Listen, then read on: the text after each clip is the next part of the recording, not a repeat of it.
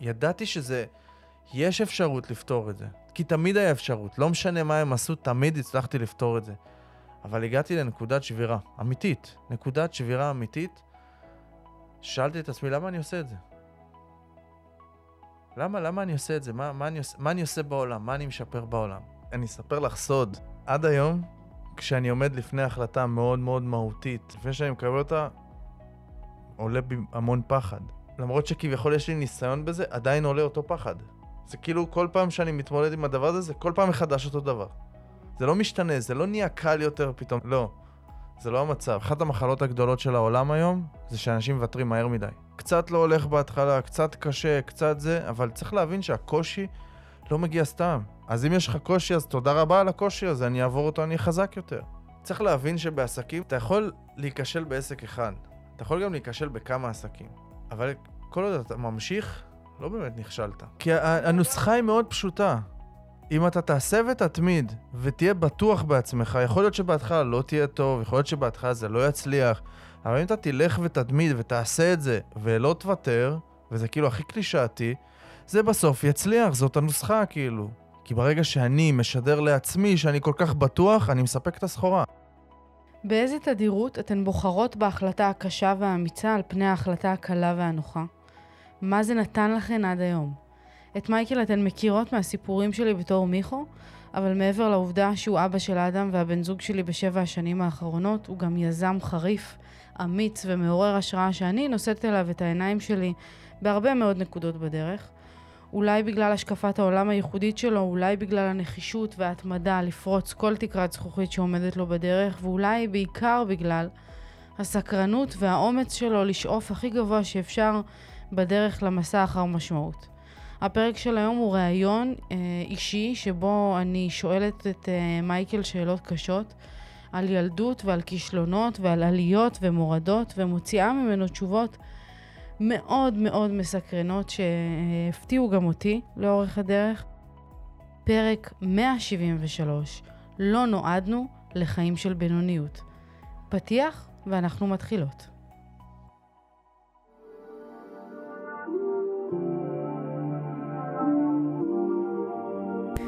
ברוכות הבאות יקירותיי לפודקאסט אימפרית אימהות בצמיחה. כאן אנחנו מדברות תודעה, אהבה ואמת, בשילוב עם כל השיעורים והניסיונות והקשיים שאנחנו עוברות בדרך, הן באימהות והן בחיים בכלל. אז רגע לפני שאנחנו מתחילות, תפתחו את הראש, תנקו את המחשבות ותהיו מוכנות לצלול פנימה. הנה זה בא.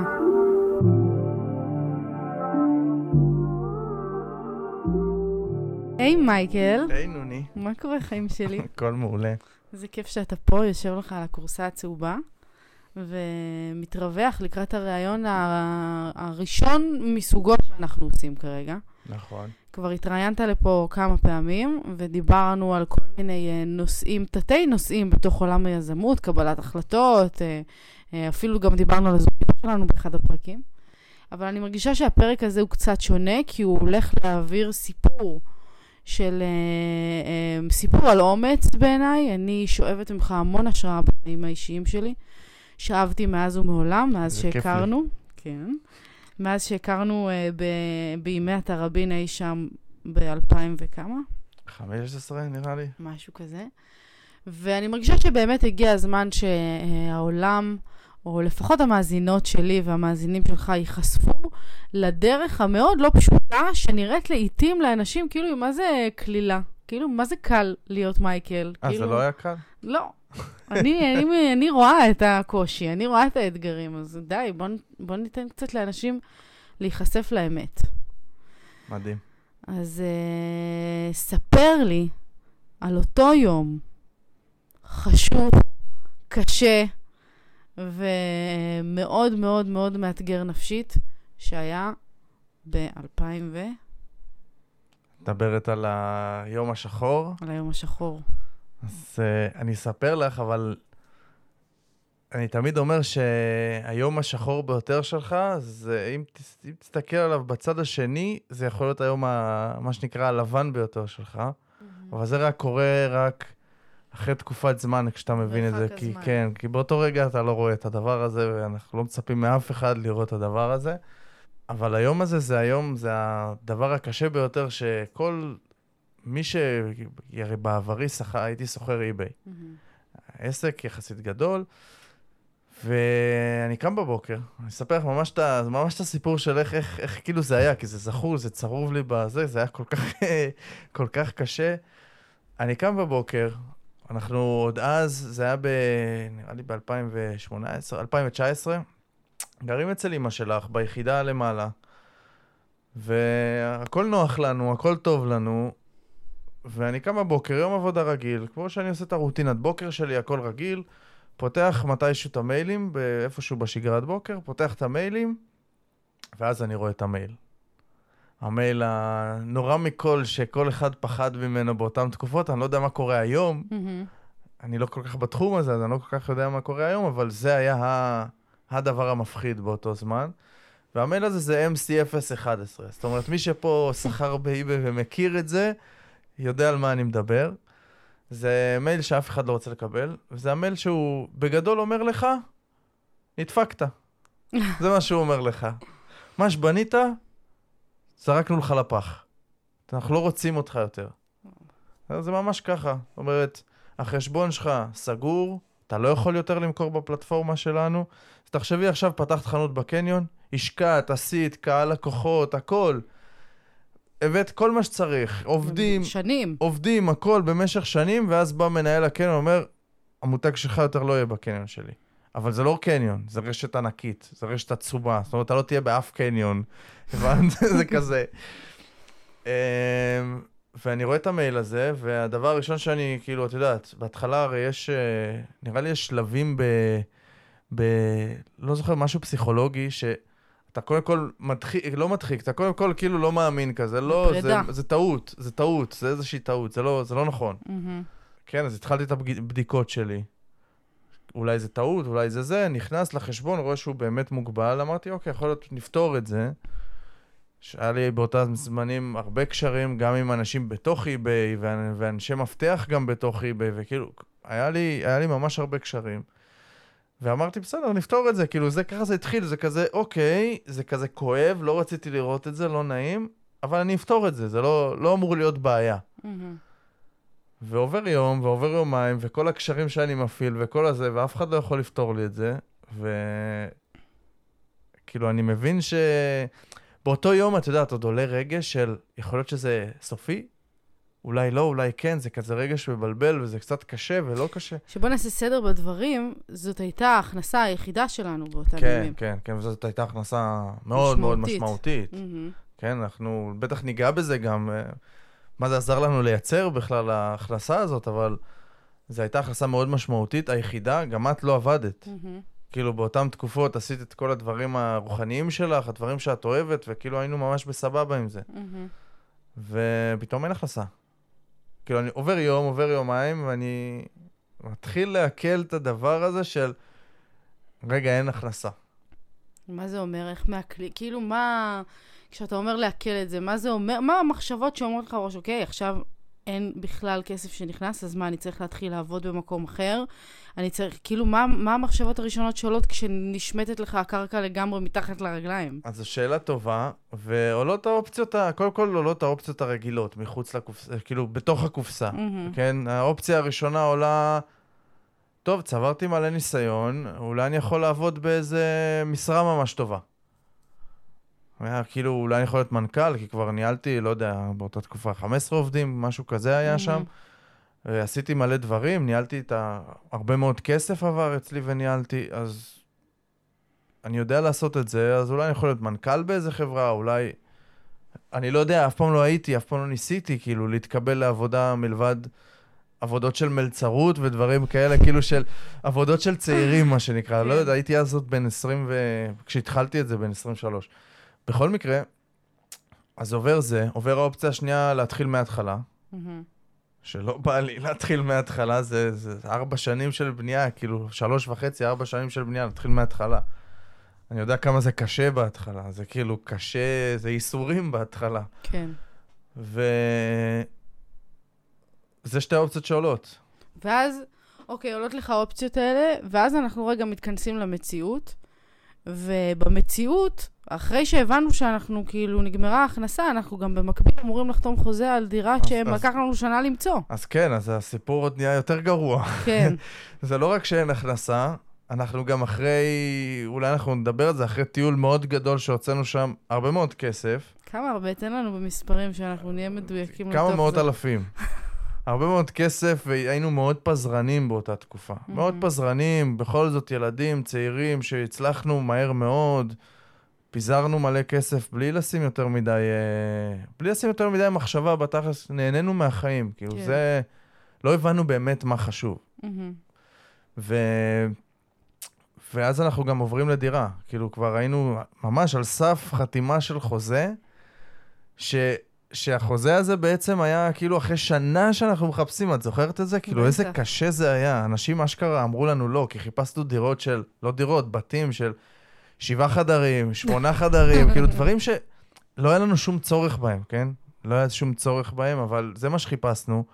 ואנשים לא הבינו למה זוג צעיר לא נשוי, בלי ילדים, רוצה בית כזה בכלל, אז לא קיבלו אותנו. נכון. זה מצחיק, היינו מוכנים לשלם, אמרנו להם, כאילו, אין בעיה עם התשלום, הכל מסודר, ערבים, הכל, כל מה שצריך. ואמרו לנו לא, לא פעם אחת. אמרו לנו אנשים- לא כמה וכמה פעמים, היו לנו סיפורים הזויים שם. שהתבאסנו כל כך, כמעט ויתרנו על מעבר דירה. ועד. שמצאנו את הדירה, שאנשים שהיו מוכנים לקבל אותנו, גם כן, בית, בית פרטי, מאוד יפה, חצר, בית חדש, רק ענק, סיימו 200 לבנות. ומשהו מטר, כולו בית, עצום. בית גדול, והיינו אמורים לחתום, אני, אני חושב איזה שבוע אחרי, משהו כזה. אנחנו היינו, הגענו למצב ש... ש...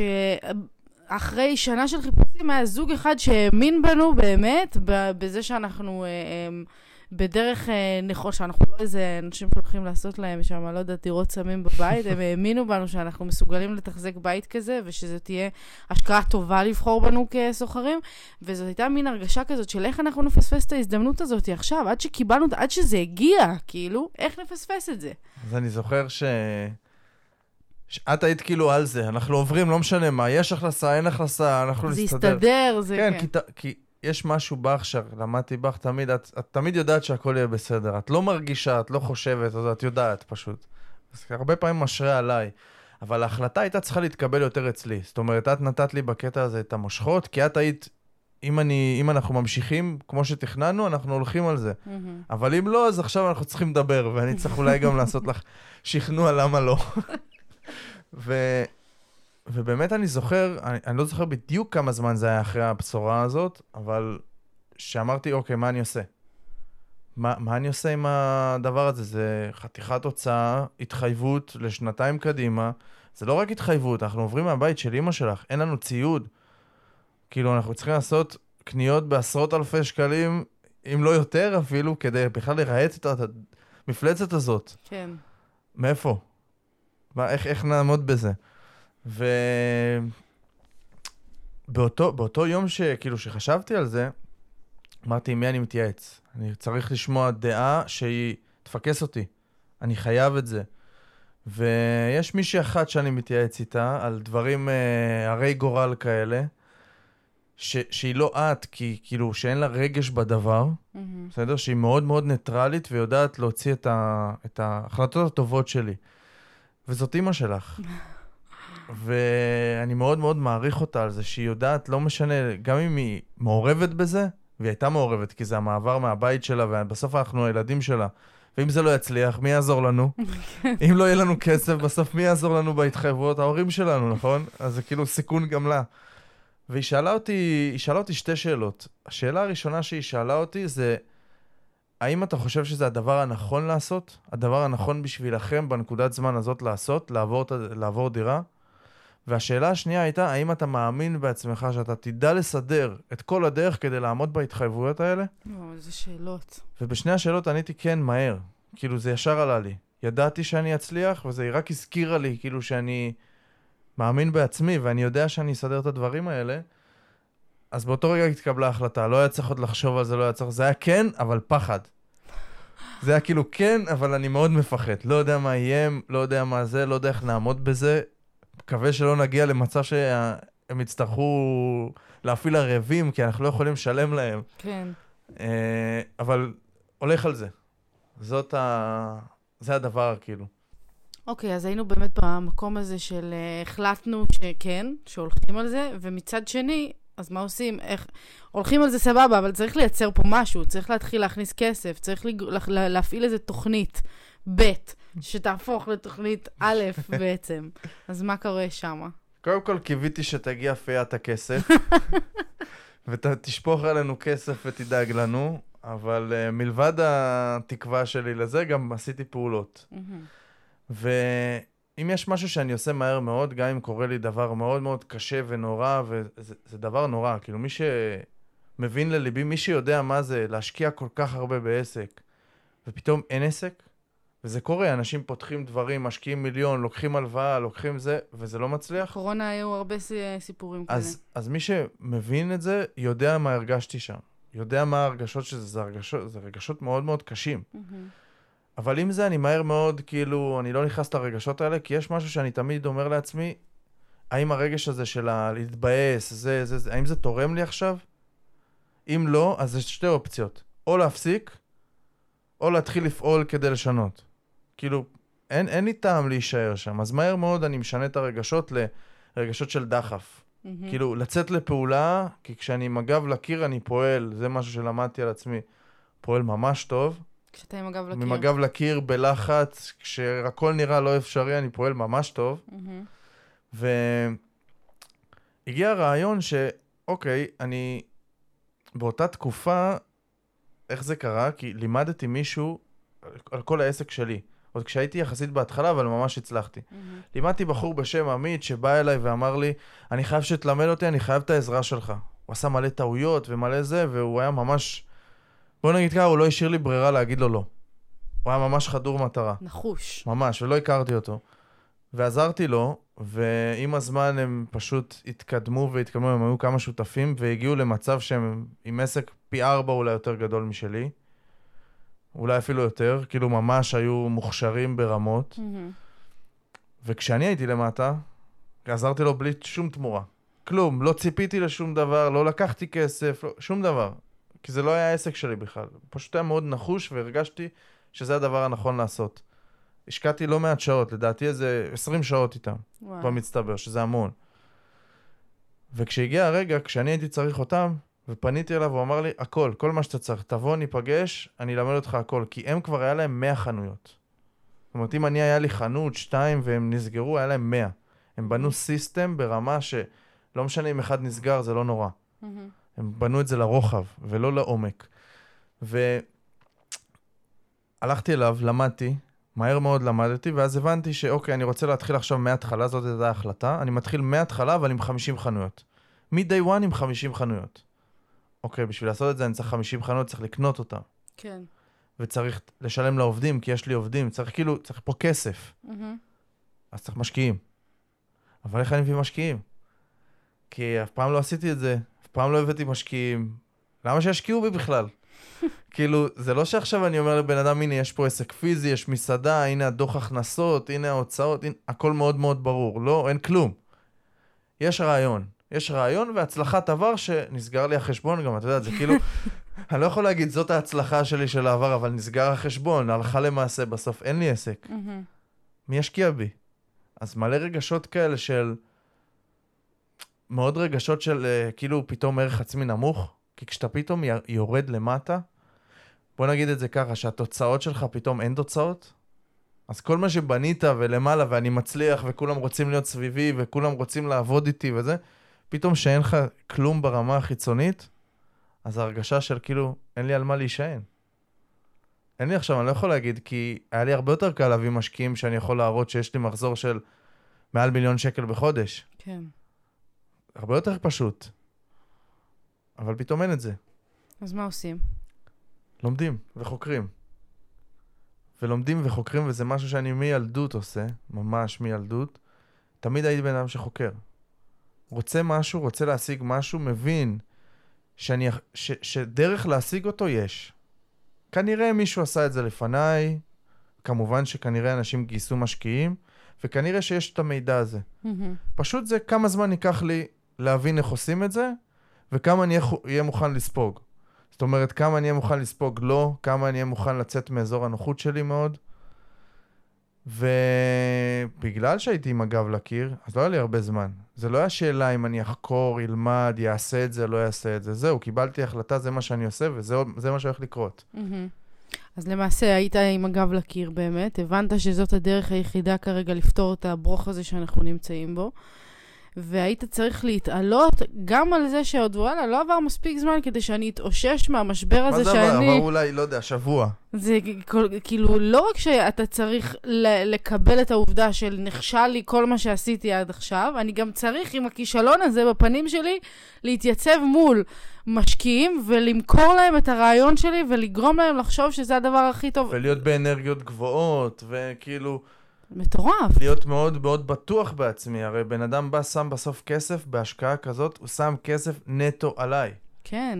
כי אין פה עסק עדיין, יש פה רעיון, אין אפילו הוצאה לפועל של כלום, אין אפילו מה להראות. Mm-hmm. זה רק תחזיות עתידיות של מה אני חושב שיקרה, והסתמכות על זה זה ש...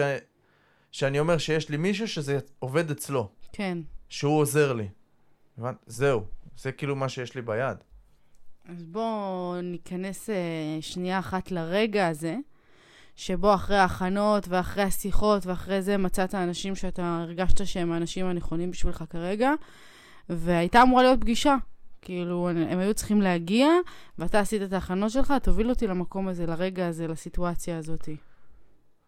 קודם כל, בגלל שהבנתי כמה זה חשוב, אני חושב שבאותם חודשיים, כאילו, והקטע הוא שהיינו צריכים לעבור זה קרה לדעתי באוגוסט, והיינו צריכים לעבור באוקטובר. זאת אומרת, היה לנו חודשיים לעשות את כל הדבר הזה. לגייס mm-hmm. משקיעים, לקבל את הכסף, חוזים, עניינים, וזה כאילו מלא בירוקרטיה, בזמן מאוד מאוד קצר. והרגשות באותו רגע, זה, זה לא היה רגשות, זה המקום של, אני יודע ש... אני חושב שלא נפגשתי עם חברים באותו זמן, לא נפגשתי עם משפחה, אני חושב שישבתי כאילו רק על זה. Mm-hmm. זה מה שעשיתי, לא הסתכלתי על שום דבר אחר, לא עניין אותי שום דבר אחר, ולא היה לי אופציה ללא. הבנת? זה, זה מה שהרגשתי. לא היה לי אופציה ללא. אם זה לא ממישהו אחד, זה יהיה כן ממישהו אחר. באמת, זה, אם זאת התחושה שבאתי ועליתי, mm-hmm. ואני זוכר שהם הגיעו, ויש את הפחד הזה בהתחלה, אבל מהר מאוד, כאילו, הפכתי אותו ל... לדחף. הבנת? זאת אומרת, לא פחדתי להציג להם את זה. בסוף הייתי מאוד בטוח, כי עשיתי עבודת הכנה מאוד מאוד רצינית, mm-hmm. וזה משהו שהרבה פעמים ראיתי שאנשים כאילו מדלגים עליו. על מה? כאילו רוצים להגיע לתכלס, ולא לעשות את המחקר, והבנה, ובנייה, ותוכנית, וזה. עם משקיעים זה כאילו לא כל כך יכול לעבוד. Mm-hmm. צריך להראות משהו. אז יש פה רגע בעצם איזשהו שיעור שמסתתר פה, ואנחנו יכולים לקחת אותו כל אחד לחיים שלנו אה, האישיים, שבעצם כשיש לנו איזושהי משוכה מאוד גדולה שאנחנו צריכים אה, אה, לעבור אותה, אז במקום לנסות להגיע ישירות לתוך המשוכה ולקפוץ, להשתגע שם מעל המכשול, אולי בעצם אנחנו צריכים רגע להתכנס בתוך עצמנו, לעשות איזושהי עבודה של מחקר אמיתי, כדי שנגיע בטוחים יותר ועם ודאות גדולה יותר לרגע האמת, ואז אנחנו לא ניתן להתרגשות לשלוט בנו בתוך הסיטואציה. כן, אני אומר לך, לא... באתי בלי שום ידע על השקעות. Mm-hmm.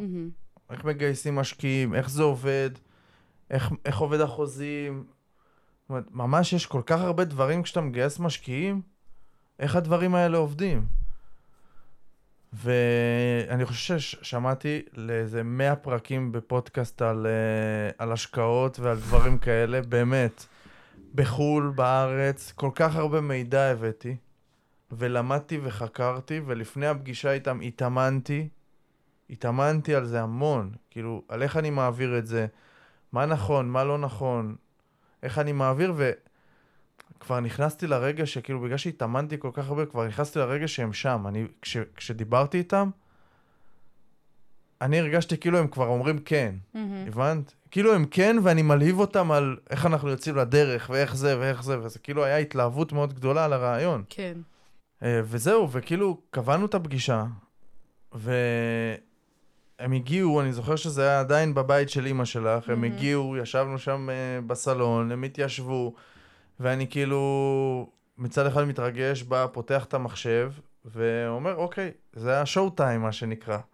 עכשיו אני צריך כאילו לתת את הפיץ שלי, ולהיות מאוד משכנע. שנייה לפני שאנחנו ניכנס לתוך, ה, לתוך התרחיש הזה באמת, לתוך השיחה הזאת שהייתה שם בסלון, לתוך מה שהם אמרו ואיך זה התנהל, ואם הם אמרו כן ואם הם אמרו לא, אני רוצה שאנחנו נלך כמה צעדים אחורה, ותספר לי איפה התחילה האמונה שאתה יכול לעשות את הבלתי אפשרי הזה. כי להיות במצב שבו אתה בוחר בהחלטה הקשה ובהחלטה האמיצה, זה משהו שנורא קל אה, לדבר עליו, נורא קל כאילו לקרוא את זה בספרים, להתלהב מזה, לרשום את זה כמנטרה על הקיר, על המקרר, תבחר במה ש... אה, אה, בהחלטה האמיצה ולא בהחלטה הקלה, אבל זה נורא קשה להוציא את הדבר הזה כאילו החוצה לעולם. אז מעניין אותי לדעת באמת איפה אחורה בהיסטוריה שלך, בתור בן אדם, בתור ילד, היית צריך להתמודד עם זה בפעם הראשונה. אז קודם כל זאת שאלה מדהימה, ואני אגיד לך, אני, אני אספר לך סוד. סוד? כן, סוד, לי? עוד לפני זה, אני אספר no. לך סוד. ואל תספרי אותו לאף אחד. עד היום, no. כשאני עומד לפני החלטה מאוד מאוד מהותית, וכביכול אמיצה, לפני שאני מקבל אותה, עולה בי המון פחד. זאת אומרת, זה לא שהיום, אחרי שקיבלתי, ואנחנו כנראה גם נדבר על זה, כמה וכמה בנקודות חיים שלי קיבלתי כמה וכמה החלטות מאוד אמיצות, שעל פניו כאילו, לפעמים היו אומרים, מי, מי, מי זה המפגר הזה? למה הוא, למה הוא לוקח את ההחלטה המפגרת הזאת? זה לא נכון. Mm-hmm. עדיין, למרות שכביכול יש לי ניסיון בזה, עדיין עולה אותו פחד. זה כאילו כל פעם שאני מתמודד עם הדבר הזה, זה כל פעם מחדש אותו דבר. Mm-hmm. זה לא משתנה, זה לא נהיה קל יותר פתאום, זה לא עכשיו אני הופ הופ החלטות אמיצות בשנייה, לא. זה לא המצב. עדיין יש את הידיים מזיעות, עדיין... עדיין אותו דבר בדיוק, כאילו זו פעם ראשונה שאני מקבל החלטה אמיצה, פשוט שהיום, לפני שאני מקבל את ההחלטה האמיצה, יש לי את ה... אה, נקרא לזה את המנטרה שלי, את ה... מה שאני אומר לעצמי, שאז זה רגע, הפחד ישר משתלט, ואז רגע יורד הפחד, כי בדרך כלל החלטה זה לא שעכשיו אני מחליט לקפוץ מהצוק או לא. זה mm-hmm. כאילו, אחרי שקיבלת החלטה, לא, לא משתנה משהו דרסטי באותו רגע. כן. יש לך רגע זמן לחשוב.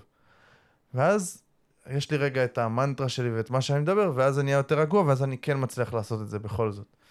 אבל אם נחזור רגע אחורה, בתור ילד לא הייתי אמיץ. הייתי פחדן. כאילו, זה לא היה משהו שהיה בי, לפחות לא הכרתי את זה בי. כי הייתי באיזשהו מקום, ב- ב- בסוג של חבורה וחברים, שלא ממש ראו אותי, לא ממש הקשיבו לי, לא ממש הייתי חשוב, הייתי לא נחוץ כל כך, זה מה שהרגשתי. אז גם הרגשתי לא אמיץ והרגשתי פחדן, כי תמיד פחדתי אם זה לעזוב את החבורה, לעזוב את החברים, כי זה היה הדבר הנכון, כי תמיד הרגשתי לא אני במקום הזה, ולא עשיתי את זה. עד גיל מאוד מאוחר, לא עשיתי את זה, כי פחדתי. פחדת ממה? פחדתי שאני אשאר לבד, שלא יהיה לי חברים. עכשיו, הפחד הזה החזיק אותי איתי הרבה זמן, מה שגרם לי פשוט לא להיות אני. Mm-hmm. לא להוציא את האני באמת. וזה התחיל איפשהו בתיכון, לפני שהתקבלתי יותר נכון לתיכון, ואני זוכר ש... שהגעתי ל... כאילו, הגעתי ליועצת כדי להתקבל, כי הייתי תלמיד בעייתי כזה. Mm-hmm. לא מגיע... מה זה בעייתי? לא הייתי עושה בעיות בבית ספר, פשוט לא הייתי בא. כאילו הייתי מטייל ברחוב, זה מה שהייתי עושה. מגיע אולי רק לשיעורי מתמטיקה, כי זה היה מעניין אותי. והיא שאלה אותי שאלה ש... שקודם כל אני לא יודע איך יועצת בבית ספר יכולה לשאול ילד שאלה כזאת, כי זו שאלה קשה, שאני בטוח שמורידה הרבה אנשים, אם היא שאלה עוד אנשים. והיא שאלה אותי, למה שאני אקבל אותך בכלל? איך אתה תתרום פה? איך את יכולה לשאול ילד בן, כמה זה, 15? כאילו, כיתה י', זה גיל 15? איך את יכולה לשאול ילד כזה? הוא עוד לא עיצב לעצמו בכלל משהו. שאלה אותי את זה, וכאילו, היה בי כל כך הרבה ביטחון לבוא ולהגיד, את רוצה, את רוצה לשמוע משהו? אני חושב שאמרתי את זה ככה. אני הולך להביא לך, וזה היה כיתת אתגר גם, זה כאילו כיתה כביכול הכי גרועה בבית ספר. אני אביא לך שש תעודות הצטיינות, אני התלמיד הכי טוב שלך פה, ואת תראי שאני התלמיד הכי, בין הכי טובים בשכבה. זה עם הציונים הכי גבוהים בכל השכבה. איזה הבטחה. ולא הייתי תלמיד טוב. כאילו, האמנתי בעצמי, כי לא יודע, לא זוכר למה כל כך רציתי להתקבל לבית ספר, אבל משהו נגע בי שהיא אמרה לי, למה שאני אקבל אותך? כאילו, היא, הדליקה בי איזה טריגר של מי את בכלל? כאילו, אם אני רוצה, זה, זה. תלוי בי, זה תלוי בי, זה לא תלוי בך. אם אני ארצה להיות טוב, אני אהיה טוב. זה לא תלוי בך, שתדעי את זה.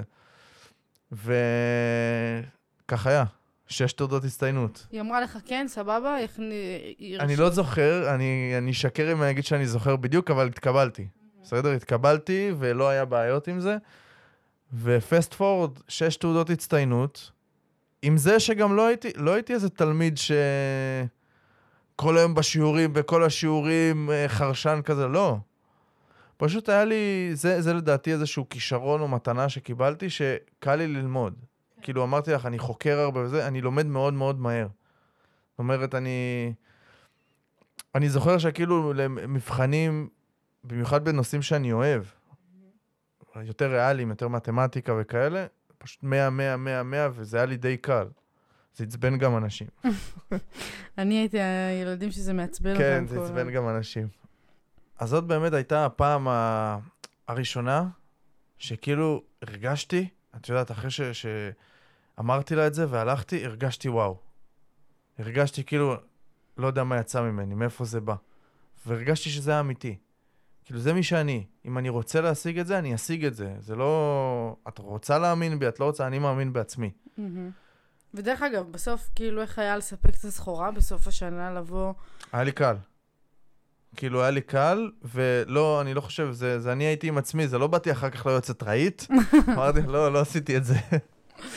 אה, גם אני לא חושב שהיא זכרה את זה, אני לא חושב שזה בכלל היה משמעותי לה, אני חושב שזה משהו שהיא זכרה, כמו שזה היה משמעותי לי. כן. זה כאילו עבר לה ברגיל, אוקיי, בסדר, עוד תלמיד. עוד אחד שאני לא רואה בו כלום, כן, ונראה כן. מה יצא.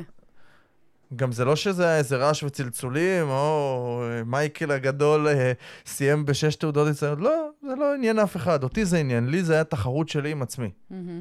זה כאילו מה שדחף אותי להביא באמת את הציון. זה, זה למה בכלל התעניינתי בלהביא ציונים, כי אף פעם לא האמנתי בזה כל כך. אבל זה, זאת הסיבה, התחרות שלי עם עצמי. והדבר הזה אחר כך פתח לי דלתות, למה? כי הגעתי לאיזה, סיימתי קורס ברמנים מתישהו, זה היה כבר אחרי צבא, אם נלך אה, זה, אבל סתם בשביל ההבנה, ובאתי לאיזה בר, שהוא היה כזה בר, אה, בר מסעדה, ברמה כזה, והיא אמרה לי, אין לך ניסיון, למה שאני אקבל אותך? ממש אמרה ככה, אמרתי לה, תקשיבי, תני לי לעבוד פה חודש, אם אני לא אעבוד טוב, אל תשלמי לי, אבל תראי שאני הברמן הכי טוב שלך פה. ככה אמרתי לה, קיבלה אותי במקום. הבנתי שכאילו עצם הביטחון עושה את. כאילו עושה את הבנת העבודה. שהרעיון ש- ש- של כאילו של בן אדם בטוח בעצמו עושה את העבודה. עושה את העבודה גם, קודם כל לעצמי. כי ברגע שאני משדר לעצמי שאני כל כך בטוח, אני מספק את הסחורה. אבל רגע, זה, מה שאתה אומר זה כאילו מאוד מתעתע, כי אנשים כל החיים מחפשים את המקום הבטוח הזה של ללכת ולהגיד, אני יכול ואני מסוגל ואני עושה, אבל אתה היית ילד שחסר לו ביטחון, נכון. שהוא לא מספיק מאמין בעצמו, ושהוא לא מספיק... אבל, אבל, אוקיי, אז אני אגיד, לא מספיק מאמין בעצמי, אבל היה לי תמיד את המקום, המקום הבטוח שלי שהייתי ממש טוב בו, וזה משחקי מחשב. במשחקי מחשב הייתי כאילו, אני זוכר, ברמות הכי גבוהות בארץ, תחרויות, היה לי קבוצות, בגיל, לא יודע, 14, אני מנהל קבוצות, שאני מתכנן איתם אסטרטגיות, ואני מתכנן איתם דברים, וכאילו, הייתי ממש ממש ממש טוב, כן. ממש טוב בזה. מהמם. אז כאילו שם הבנתי ש... ואיך נהייתי ממש טוב? עשיתי את זה הרבה שעות, התמדתי בזה הרבה. אוקיי, אז יש פה את העניין הזה הבנתי. באמת שחוזר עוד ממה שסיפרת בהתחלה, על כן. התמדה ולמידה. נכון. זה גם מה שדרך אגב, אנחנו מבינים את זה עכשיו, נכון. שזה מה שהבטחת לאותם אנשים בדרך. נכון. הבטחת ליועצת, אותך מתמיד ולומד ומביא תוצאות. כי הנוסחה היא. מאוד פשוטה. אם אתה תעשה ותתמיד, ותהיה בטוח בעצמך, יכול להיות שבהתחלה לא תהיה טוב, יכול להיות שבהתחלה זה לא יצליח, אבל אם אתה תלך ותתמיד ותעשה את זה, ולא תוותר, וזה כאילו הכי קלישאתי, זה בסוף יצליח, זאת הנוסחה כאילו. כן, אוקיי. אין פה, זה יכול, לבן אדם אחד זה ייקח חצי שנה, לבן אדם אחר זה ייקח שבע שנים.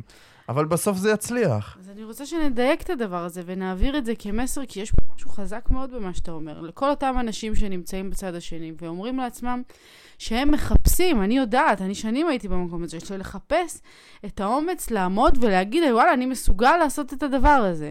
הם לא מוצאים את האומץ הזה, אבל אתה פיצחת פה איזושהי נוסחה שאומרת, אני לא, אני לא ממציא חלום, אני לא עומד לבן אדם מול הפנים ואני אומר לו, אני הולך לעמוד בזה ככה וככה, אני אומר לעצמי שאני מתחייב להתמדה. זה אני מתחייב ללמידה, ומעצם ההתחייבות הזאתי, אני אביא את התוצאות שעמדתי פה והצהרתי נכון, עליהן. נכון. יכול להיות שאני לא אביא את התוצאות, אבל אני אעשה את המקסימום שלי ואני אתמיד כל הדרך. זאת אומרת, יש מצב שאני לא אביא את התוצאות. לי ספציפית הצליח עם התוצאות. מהמם. אבל הרעיון בסוף הוא להתמיד וללכת, כי הבעיה, אחת המחלות הגדולות של העולם היום, זה שאנשים מוותרים מהר מדי. זאת אחת המחלות הזה, מוותרים מהר מדי. קצת לא הולך בהתחלה, קצת קשה, קצת זה, אבל צריך להבין שהקושי לא מגיע סתם. וכל הסיפורי הצלחה שאנחנו רואים, אם ילכו ויחקרו את כל הקשיים שעברו בדרך, יבינו שזה קשיים שאנשים נורמליים לא עוברים, לא מצליחים לעבור אותם בכלל. מהמם. אז אם יש לך קושי, אז תודה רבה על הקושי הזה, אני אעבור אותו, אני חזק יותר. זה, זה אני מבין היום, עם כל הקשיים שעברנו ועם זה. אז גם את זה כבר הבנתי ב, בסיפור שלנו עם ה-MC011, ומצד אחד זה היה ממש קשה, מצד שני, זה המנטרה שלי, שאני אומר, הקושי הזה זה הדבר הכי טוב שיקרה לי, אני עוד אראה את זה שזה יקרה לי. אני אראה את זה עוד שזה הדבר הכי טוב שקרה לי. מהמם. אני לא מסוגל לראות את זה היום, אני לא יודע את זה, אבל זה לא סתם קורה. תגיד, אנחנו היום, אה, אה, שאנחנו די אה, חיים ונושמים את עולם ההתפתחות האישית בכל מיני צורות שונות, אנחנו מבינים שבכל שלב בחיים אנחנו צריכים לאמץ לנו איזשהו מנטור, איזשהו בן אדם שאנחנו נושאים אליו את העיניים ומקבלים ממנו השראה וכיוון ודרך. והמון פעמים אין לנו אותו בסביבה הקרובה, כאילו אין לנו איזה, איזה אימא, איזה אבא, איזה חבר מאוד טוב שלוקח אותנו בדרך, ואנחנו צריכים לחפש את זה בחוץ. מי באותם ימים, בתור אה, אה, נער שמחפש את דרכו, ולא מוצא אותה, או, את, את הדרך כאילו קרוב לבית, מי היה הבן אדם שלך שלקח אותך יד ביד? אני חושב שפה היה לי הרבה מזל. באיפשהו ב- לקראת אה, אמצע הצבא, מהמם, הגיע אליי בחור מהפלוגה שלי ואמר לי, תקשיב, התחלתי איזה עסק מעניין, אה, נוסקין, שזה ב- כאילו מתברר כפירמידה. עכשיו, אין לי בעיה איתם, יכול להיות שהמודל עסקי טוב, לא טוב, אני לא נכנס לזה. אבל הוא הציע לי את העסק הזה, וזה פתאום ממש, ממש בא לי בטוב. עכשיו, איך הוא הציע לי את זה? לא הוא הציע לי את זה, כי הוא בן אדם ספציפית שלא ראיתי בו כמנטור, מי שהציע לי את זה. אבל המנטור שלו נפגש איתי. אז אמרתי, וואו, מי זה הבן אדם הזה? כאילו, נפגשנו שלושתנו, היינו בפגישה שלושתנו, וקודם כל בא בן אדם, לדעתי, אני אז באותה תקופה הייתי בן אזור 19-20, הוא היה בן אה, 24 נראה לי, מהמם, אבל הוא הרגיש בן אדם כאילו יש סביבו הילה. כאילו, ראיתי אותו, והיה לו נוכחות מטורפת כזאת. בוא, ילד בן 24, מהמם, שמעתי סיפורים עליו, כאילו במה הוא הצליח, וכמה אנשים יש תחתיו, מי שיודע איך עובד פירמידה, זה שיש לך כזה אנשים תחתיך, שבזכותם אתה מרוויח, ועוד תחתיך ועוד תחתיך, וככה זה עובד. וכאילו שמעתי סיפורים עליו, ועל כמה הוא הצליח, ואז ראיתי, והיה לו איזו דירה מאוד יפה, ו... ו... אבל הוא לחץ לי את היד, אני זוכר, וכאילו ב- בלחיצת יד הזאת הרגשתי את העוצמה שלו. הרגשתי בן אדם עוצמתי. מהמם, וראיתי מישהו שאני רוצה, סוג של להיות כמוהו. והיינו בפגישה, ובפגישה היה מעולה. ובסוף הפגישה הוא אמר לי, אמרתי לו, אני רוצה את זה. הוא, כאילו, כדי להיכנס הייתי צריך לשלם איזה עשרת אלפים שקל, לקנות מלא מוצרים. עכשיו, עשרת אלפים שקל באותה תקופה, חייל, כאילו, גם בואי, לא באתי מבית שיש לי אקסטרה, יש לי מה שאני צריך. כן. זה היה, זה היה סכום מאוד גבוה בשבילי. והוא אמר לי, תקשיב, וזה הייתי בשוק, כאילו הייתי מוכן לשלם עשרת אלפים שקל, לא זוכר איך הבאתי את הכסף בכלל. אבל הייתי, אבל כאילו הוא אמר לי, יש שני ספרים שאני רוצה שתקרא. מה זה אומר שני ספרים שאני רוצה שתקרא? היה ספר אחד, הוא נתן לי שמות שלהם, אבא עשיר, אבא עני, וחשוב והתעשר. בחיים לא קראתי ספר. עד אז לא קראת שום ספר? כלום, קראתי אולי דף אחד בהארי פוטר שקנו לי, ואמרתי, אני לא אקרא ספרים, למה לי לקרוא ספרים? תני לי לראות סרטים. מהמם, לא הייתי בן אדם של ספרים, היום אנחנו מסתכלים פה ספרייה עצומה כזאת של ספרים, וזה כאילו ההפך לגמרי ממה שאני היום. ו... אבל כל כך רציתי לעבוד איתו, שאמרתי, אני קורא את זה, וקראתי את זה בשבוע, אני חושב, סיימתי את שני הספרים. וואו, זה ספרים עבי כרס. וזה ספרים, זה לא רק עבים, זה ספרים לימודיים. הוא אמר לי, אתה לא רק קורא, אתה קורא ומסכם, אתה לומד את זה. שבוע או שבועיים, אני לא זוכר, משהו ממש מהיר. והספרים האלה שינו אותי. ממש? עשו לי סוויץ' בתודעה ברמה, כי, כי כל התודעה שלי הייתה מוזנת מאנשים של, של יש דרך מסוימת שצריך לחיות את החיים, וזו, והדרך שאנחנו אומרים זה הדרך הנכונה. אם זה ההורים שלי שהם כל הזמן היו אה, שכירים ורוצים שאני אלמד ורוצים שזה, כאילו, דרך מאוד אה, מקובעת. מקובעת מאוד, ומצד שני גם לא היה אף אחד שהאמין בי. כאילו מלבד הסיפורים שסיפרתי לך, לא היה מישהו שהרגשתי שהוא, שאני אספר לו איזה רעיון שלי והוא יגיד, וואו, בואנה, זה, אתה, זה רעיון ממש טוב, אני סומך עליך שתצליח, או אני אעזור לך, או זה, לא היה לי את הדבר הזה. היה לי הפוך. זאת אומרת, כל רעיון שהייתי מעלה, היו אומרים לי, זה רעיון מטומטם, ואני כאילו לא, לא נכנס למילים יותר קשות, אבל גם היו מילים יותר קשות. וזה הוריד אותי, זה השפיע עליי, אם זה עם החברים, אם זה זה, זה כל הזמן הוריד לי את הערך העצמי. מאוד הייתי מושפע מה, מהעולם החיצון, על מי אני. זאת אומרת, העולם החיצון היה מגדיר מי אני. והספר הזה פתח אותי. הספר בעיקר, אבא עשיר אבא אני נתן לי הבנה פיננסית מאוד מאוד טובה, אבל הספר שבאמת פתח אותי זה חשוב והתעשר, שכאילו זה חשוב והתעשר בעין, אבל זה ספר שהוא סוג של דרך חיים. כן. של הבנה איך, לחי... כאילו, איך לייצב את התודעה שלי נכון. ופתאום התחלתי לפעול בצורה הרבה יותר אמיצה. אז קראתי את הספרים, והלכתי איתו, ושילמתי את הכסף, וכולי ב drive מטורף, לא סיפרתי להורים, כי הוא אמר לי, אל תספר לקרובים שלך, כי זה היה ידוע שאם אני אספר יורידו אותי, אבל בכל זאת, אחרי זה סיפרתי, מהמם. ואני בן אדם עקשן. כאילו, אם אבא שלי אומר לי, אל תעשה, אני רוצה לעשות. הוא אמר לי, עובדים עליך, וזה טעות, ויקחו לך את הכסף, וזה, וחברים שלי, כולם הורידו אותי. כולם אמרו לי שאני עושה שטות. מהמם. אחד אפילו לא היה, אולי אימא שלי הייתה ניטרלית, אני לא זוכר בדיוק, כי היא תמיד איתי. לא משנה מה אני אעשה, היא תמיד איתי.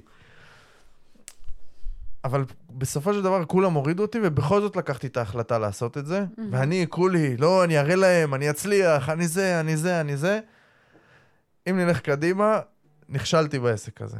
שנה וחצי בזבזתי, אולי מכרתי משהו אחד, שתיים, הפסדתי כסף המון המון זמן, אבל זאת ההחלטה הראשונה האמיתית, הטובה שעשיתי בחיים. להיכנס? לזה בכלל. זה פתח לי את התודעה, כי... וניר ראה את זה בי. ראה בי את, ה... את הדרייב המטורף שהיה לי באותם זמנים, מהמם. והוא פשוט האמין בי, ולמרות שלא הרווחתי, ולא הכנסתי, וגם לא הכנסתי לו כסף, הוא השקיע בי המון זמן, שעות על גבי שעות הוא השקיע בי. לפעמים זה היה נראה לי לא אמין, למה הוא משקיע בי כל כך הרבה זמן? אבל הוא כל הזמן אמר לי, אני רואה שיצא ממך משהו גדול. אני יודע את זה, אני מרגיש את זה ממך, יצא ממך משהו גדול. הוא כל הזמן האמין בי. זה מטורף זה שיש לך בן אדם כזה בדרך. זה, זה לא רק מטורף, זה כאילו אני קצת, כל הזמן חשבתי, מה האינטרס שלו? כאילו, מה, הוא סתם אומר לי את זה? לא יכול להיות ששנה וחצי הוא רץ איתי, והוא אומר לי את זה סתם, והוא לא מרוויח מזה כלום. אז מה בעצם אתה חושב היום במבט לאחור? במבט לאחור אני בטוח שהוא ממש האמין בי. הוא ממש האמין בי, והנה, דיברנו על הצלחות ועל זה ודברים, וכאילו דברים קרו, מהמם. אבל עצם זה שהוא האמין בי כל כך, נתן לי את היכולת להתמודד עם, כאילו אם הוא לא היה שם, מהר מאוד הייתי מוותר. שנה וחצי רצתי, אני אומר לך, התקשרתי ל... היה כאילו איזה סיסטם של איך אה, לגייס לקוחות, שלי זה לא עבד. מהמם. להתקשר ל-500 אנשים, נועה, הייתי מתקשר בטלפון לאנשים, לא מכירים אותי, לא יודעים שום דבר עליי. כאילו, לא- הם, סליחה, מכירים אותי, יודעים עליי מהעבר. ואז כן, אני בא להם פתאום עם אה, הצעה. עסקית כזאת. מאיפה אני בא? בטלפון, בזה, משהו הזוי כזה. וזה לא הצליח לי. ותחשבי, כמה לא אתה יכול לקבל? אני אומר לך, קיבלתי 500 לא. כאילו. כמה לא בן אדם יכול לקבל ולדבר וזה ולעשות, ואפילו הצלחתי מה-500 אולי לקבוע איזה עשר פגישות, גג. וכל העשר אמרו לי לא. שתביני, כאילו, אבל עדיין, כשעזבתי את העסק הזה, ספציפית, מה זה עסק? לא פתחתי אפילו עוסק, כי לא היה לי הכנסות. כן. כאילו, לא פתחתי עוסק, אבל התנהגתי כאילו זה עסק. לבוש בכופתרת, בן 19, הולך, כאילו, נפגש עם אנשים, כאילו אני איזה איש חשוב. אבל כשעזבתי את העסק הרגשתי כישלון, ואז בא אבא שלי, אמרתי לך, והחברים, אמרתי לך, אבל טוב שיצאת, עדיף מוקדם מאשר אף פעם, וכאילו אישרו לי את הכישלון. כן. אישרו את זה שכאילו נכשלתי. מהמם. לא כיף. מה למדת מאותו... אני לא יודע להגיד לך באותם זמנים אם למדתי את זה. קודם כל למדתי שיש לי כוחות ש... שאנשים לא יכולים להזיז אותי. כאילו, גם אם כל הסביבה שלי גרועה, אני יכול ללכת עם האמת שלי ועם מה שאני מרגיש וחושב. לימים הבנו שזה לא היה טעות, שזה היה אחת ההחלטות הטובות שלי. מהמם. כי זה מה שפתח אותי לעולם של הספרים, מאז התחלתי ללמוד התפתחות אישית, מאז פתאום השתניתי בתור בן אדם. הייתי בן אדם, אמרתי לך, הרבה יותר פחדן, הרבה יותר סגור, לא מוביל אף אחד, לא זה, פתאום נהייתי בן אדם שהוא מרכז העניינים כל הזמן, ובמקום טוב, לא רומס אנשים, אף פעם לא... כאילו, זה לא היה הקטע שלי. כן. תמיד הרמתי אנשים, אם זה בצבא, שתמיד הייתי רץ אחורה כדי לקחת את ה... ולא הייתי איזה רץ טוב. אני, היה לי קשה ברמות ברור וזה, אני סיימתי, הייתי מסיים בהליכה. אבל בכל זאת הייתי רץ אחורה כדי להביא את האנשים בסוף. וכאילו ה- ה- היכולות שתמיד היו בי, התפתחו דרך זה. פתאום כל מי שאמר לי, החברים שהורידו אותי ואמרו לי שאני, כאילו, שהרגשתי לא חשוב איתם, הם לא עניינו אותי. ניתקתי אותם.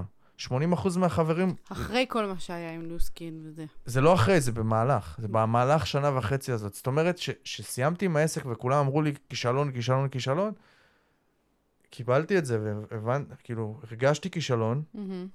אבל ידעתי שזה לא סתם. כאילו, מאיפשהו ידעתי, לא ידעתי מה, מה, אבל בסוף הבנתי, זה...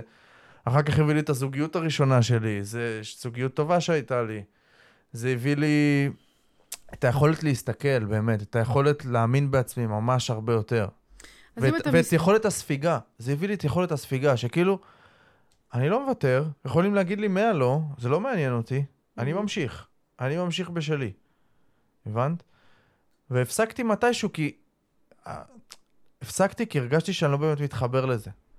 כאילו, זה, זה עשה לי את התפקיד בחיים, אבל לא הרגשתי שאני מתחבר לעכשיו מוצרי טיפוח anti-aging, ואני מקדם דברים כאלה, לא הרגשתי מחובר לדבר הזה בכלל, כן. אבל זה עשה לי תפקיד מאוד חשוב בחיים. אם יש אז- דבר אחד שאתה מודה עליו, בתוך כל התקופה הזאת של הילדות המטורפת, ואז אחרי זה התקופה הזאת עם ניוסקין וזה. אז קודם כל, אם ניר שומע אותי פה בפרק הזה, ואני רוצה שת... אני אדבר אליך ממש, אני רוצה שתדע, לא אמרתי לו את זה לדעתי אף פעם, תדע שעשית לי שינוי מאוד מאוד גדול בחיים. ואני לקחתי ממנו את זה, ואנחנו כנראה נגיע לזה יותר בסוף, אבל זה מה שאני עושה עם אנשים אחרים היום. זאת אומרת, אני הבן אדם הזה בשבילהם. יפה. מטורף. מטורף לשמוע. מטורף לשמוע כמה בן אדם אחד יכול אה, לייצר אה, שינוי. בחיים של אנשים. אז היה ניוסקין, היה באמת את ה... את ה עסק כביכול. הבחירה, העסק הכושל, אבל הבחירה הראשונה האמיצה שלך ללכת נגד כל מה שכולם אומרים, ולהאמין בעצמך, לשים all in על זה. ואחרי שזה באמת נכשל, החיים מתקדמים, ממשיכים הלאה, ובסוף אתה הופך לבן אדם עצמאי בחיים שלו, שיוצא מהבית, גר בשכירות, ומתישהו הדברים מתחילים להתקדם. נכון. אז עבדתי בתראבין אה, בערך שלוש שנים, והתקדמתי שם יפה, כאילו, הגעתי והתקדמתי ממש יפה, ו... והייתי ממש טוב, במה... ממש טוב במלצרות, כן? כאילו, כי זה אני, אני טוב במה שאני עושה, פשוט. לא משנה במה אני בא, יש לי... שמעתי פעם מישהו שאומר, לא משנה מה אתה עושה, תעשה אותו הכי טוב שאתה יכול. זאת אומרת, לא משנה באיזה עבודה אני אלך לעבוד, כמה היא משמעותית או לא משמעותית, אני אעשה את זה בצורה, ב... על הרגל הטובה ביותר. לא יודע מה זה יפתח לי. אז, ואז שמעתי שם אה, איפשהו, בואו ניקח את זה בזמנים, באזור 2015, סוף 2015, זה היה ממש כשאת הגעת. כאילו, כשאת הגעת לתראבין, ושם אנחנו הכרנו, ואנשים דיברו שם על האי-ביי שהם עושים, יש איזו שיטה באי-ביי למכור בצורה מאוד טובה, וזה עניין אותי. אז החלטתי שגם אני רוצה. כאילו, את יודעת, זה כזה טרנדי ונחמד, ועבודה מהבית, ולהרוויח כמה דולרים, נחמד, יאללה, בוא נעשה את זה. יש לי קצת זמן, לא הרבה, אבל כאילו מאוד רציתי, כי באותה, באותה תקופה מאוד רציתי כאילו לעשות הרבה דברים. לא יודע, הרגשתי שכאילו, אוקיי, אני תכף ממצה את התראבין. אז מה, מה, מה הלאה, מה הלאה? כן. אז זה בא לי בדיוק טוב, וב- ברמת הזדמנות. ופה נכנס גם, חקרתי המון. רציתי ללמוד קורס, ואותו בן אדם שלימד את הקורסים לא יכל לקבל יותר אנשים, אז היה לי אופציה או, אוקיי, אז בוא נחקר או לא נעשה, או בוא נלמד לבד. אז Mhm. החלטתי ללמוד לבד. למדתי את זה טוב, למדתי טוב. התקדמתי בערך, עשיתי את זה בערך חצי שנה. שבחצי שנה הזאת זה כאילו עבודה לא נורמלית. עבדתי בלילות כי זה היה עם ארצות הברית. כן. עבדתי בתראבין בלילות, בערב לילה, ואז לילה בוקר עבדתי בזה, ובבוקר עבדתי באקסלנס כאיש מכירות. מכרתי פנסיות וביטוחים, לא, אני כבר לא זוכר אפילו מה זה היה. ומרץ 2016, תפנית אה, משמעותית מאוד בחיים שלי. מה שקרה שם, זה שפשוט קיבלתי החלטה מאוד מאוד אמיצה. עכשיו אני אסביר מה, מה הכוונה. אני בתראבין כבר לא נהנה. שלוש שנים שם, כבר מלצר, היה לי כיף, היה לי זה, כבר האנשים השתנו, הגיעו לשם ילדים בני 17, אני כבר, נראה לי בן 23, או אפילו 24 כבר. כבר לא, כבר לא אותו, אותו שיח, כבר מהמם. פחות מעניין לי, כל האנשים הוותיקים עזבו, רק אני, כאילו אני ועוד כמה נשארנו. והרגשתי שכל יום אני בא לעבודה ולא לא בא לי. וכאילו ברגע שאתה מרגיש שלא בא לך לבוא לעבודה, אז כאילו, תעזוב. מהמם. אבל איך... לא נעים, כן, אבל גם אני כבר לא הייתי, יכול להיות שבגלל זה אתה רצית. נכון, גם את. עזבת כי את טסת לחו"ל. אז בכל מקרה, אז החלטתי שאני, שאני צריך לעזוב. אבל איך אני אעזוב? יש לי דירה שכורה, שאני מחויב אליה, מהמם, ויש לי רכב שקניתי בהלוואה, מהמם. במימון מלא, ועוד הוצאות. זאת אומרת, היה לי פחות או יותר, עשיתי חישוב, בערך עשרת אלפים שקל הוצאות. הכל, כאילו סך הכל. אין חסכונות באותם זמנים, אין כלום. אני לא מבקש כלום מההורים שלי, אני כאילו ילד שעובד מגיל 15. עובד במפעלים, ובזה אני עובד מגיל אפילו 14, מגיל מאוד צעיר אני מנסה להיות עצמאי. לא, לא מבקש מההורים שלי כסף, והאיביי מכניס לי רק בערך 500 דולר. זאת אומרת, זה 2,000 שקל, בואי נשים את זה על הזה. אז איך אני עוזב את העבודה? איך אני יכול לעזוב? ולהת... כי מאוד רציתי להתמקד רק באיביי. אז אני זוכר שבפברואר אני טסתי אלייך, למה, למה זה בכלל קרה? כי את בינואר, היינו איזה חודשיים ביחד, מהמם. ופתאום את מספרת לי את הדבר שאת טסה לתשעה חודשים לחו"ל, כי תכננת את זה עוד לפניי. מה אני אעשה עם המידע הזה? כאילו, אני רוצה שנישאר ביחד, אבל היית שם אה, חודשיים וחצי, הגעת לאיי אנדמן, שזה בהודו, מקום, וואו, מדהים, מהמם. והחלטתי שאני טס. ידעתי שבעבודה באקסלנס כנראה יפטרו אותי על זה, כאילו לטוס עכשיו שלושה שבועות לא מתאים, אני איפשהו בהתחלה שם. תראבין יכלו לקבל אותי בחזרה, ונפגשתי איתך, והיה מרגש, והיה כיף אחרי חודשיים וחצי שלא נפגשנו. ולאט לאט בטיול, לא היה לי שם גם אינטרנט, והאיבי הייתי צריך לתת לחבר שיעבוד על זה, לא תכננתי את זה בכלל. כאילו, Mhm. נתתי לו את העסק שהוא ינהל אותו. כן. ו... לא יכולת לתקשר איתו כן, לא יכולתי בכלל לתקשר. איתו בכלל. כאילו, את זוכרת את האינטרנט שם? כן, הייתי לא צריך... זה היה אינטרנט רק להודעות וואטסאפ, תמונה אי אפשר היה לשלוח, שום דבר לא היה, וגם זה על הכסף. כאילו, כן. היינו צריכים זה. זה היה ממש אי בודד. ממש. והיה לי שקט שם. פתאום אין עבודה, אין כלום, אין זה. ולאט לאט אני חושב ששם התבשל לי הרעיון של אני חי כמעט. כשאני עובד בעבודה שכירה, זה לא מתאים לי. זה לא מי שאני, זה לא מתאים לי לעבוד בדבר, בדברים האלה. זה... אני אומר ש... תמיד אני אומר שהתראבין זה אחת העבודות הטובות ביותר שעבדתי בחיי, כי זה... יש לי משם חברים טובים מאוד עד היום. הכרתי אותך שם, הכרתי את העסק, את אי-ביי, שכאילו שינה לי גם מאוד משמעותי בחיים. זאת אומרת שזה אחת העבודות הטובות, כאילו, הרווחתי בזה הרבה מעבר לכסף. כן. אבל עדיין זה לא מתאים לי. כאילו, לקחתי את מה שלקחתי מזה, וזה מספיק לי. ואני חוזר לארץ, בבכי ודמעות איתך, אנחנו נפרדים, שאת אמורה לחזור עוד uh, חצי שנה בערך, מה שלא קרה. אפשר לספר להם שבסוף כן, אני... מה שלא קרה שחזרת אחרי כמה שבועות, והפתעת אותי במיטה בלילה, בבוקר. חזרתי עם הזנב בין הרגליים, לא יכולתי יותר, זה היה כבר שיגעון מבחינתי. אבל באמת, כשחזרתי לארץ, הבנתי שאני חייב לקבל החלטה. חזרתי איפשהו במרץ, אמרתי למנהלת שלי, אני בסוף החודש עוזב. אמרתי לה ככה, ממש, לדעתי זה היה יום אחרי שחזרתי. אני זוכרת את השיחה שהייתה לנו באותו, אני, אני המשכתי לאיזה יעד אחר, ולא הייתה לנו קליטה, ועד שירדתי והצלחנו לדבר, ואז אני זוכרת את השיחה שאמרת לי, נועה, אני הולך להתפטר מאקסלנס, אני אומר להם ביי, אני זהו, אני מסיים עם זה, ואני כזה, כן, כולי לא, באווירה שלו. אקסלנס, אקסלנס, אני חושב שפיטרו אותי. מה? עם אקסלנס אני חושב שפיטרו אותי, כי הייתי שם חודשיים, ופתאום אני טס לשלושה שבועות. לא, אה, זה היה ואפילו לא קיבלתי על זה? אישור מהם, נראה לי. אמרתי, כאילו, Mm. לא עניין אותי. זה אוקיי. ידעתי, אבל עם התראבין, עם המנהלת שלי, שהם כן היו מקבלים אותי בחזרה, הם רצו אותי בחזרה, כן. אמרתי לה שאני סוף החודש עוזב, Mm-hmm. היא אמרה לי, לא, תשאר עוד כמה חודשים, בעיה של עובדים, בעיה של זה, בעיה של זה. אמרתי לה, לא, אני עוזב. וזה באמת מה שקרה. הגיע תחילת חודש אפריל, אין לי משכורת יותר מאף עבודה, יש לי 500 דולר. נחמדים כאלה שאני יודע ש, שיכול להיות שגם לא ייכנסו, זה בסוף עסק. יש מצב שזה לא ייכנס. מה עושים? אז מה אני יודע לעשות הכי טוב? ללמוד. ללמוד ולחקור. לחקור ולהיכנס לעומק בדברים, ואני גם יודע טוב להתמודד עם הגב לקיר. אז אני, מה שאני עושה, אני חוקר ולומד וחוקר ולומד.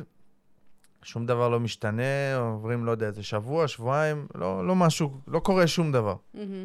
פחדים כל הזמן. מה יקרה? כי אין, אין לי לאן לחזור גם. אח שלי באותו זמן לקח את החדר שלי בבית של ההורים שלי, ואם אני חוזר, אני חוזר לספה בסלון. זה, זה ה... זה. ואני רוצה... והכי נורא מהכל זה אתה חוזר לאמרתי לך. וזהו. והכי נורא מהכל זה, אני חוזר, כי אבא שלי אמר, אל תעזוב את העבודה עד שלא יהיה לך הכנסה טובה, עד שזה... אני חוזר לזה שממש מה שנקרא עם הזנב בין הרגליים, מהמם. והוא אומר לאבא, אבא, בבקשה תקבל אותי. כאילו כזה, ותעזור לי עם השכירות או משהו כזה, לא נעים.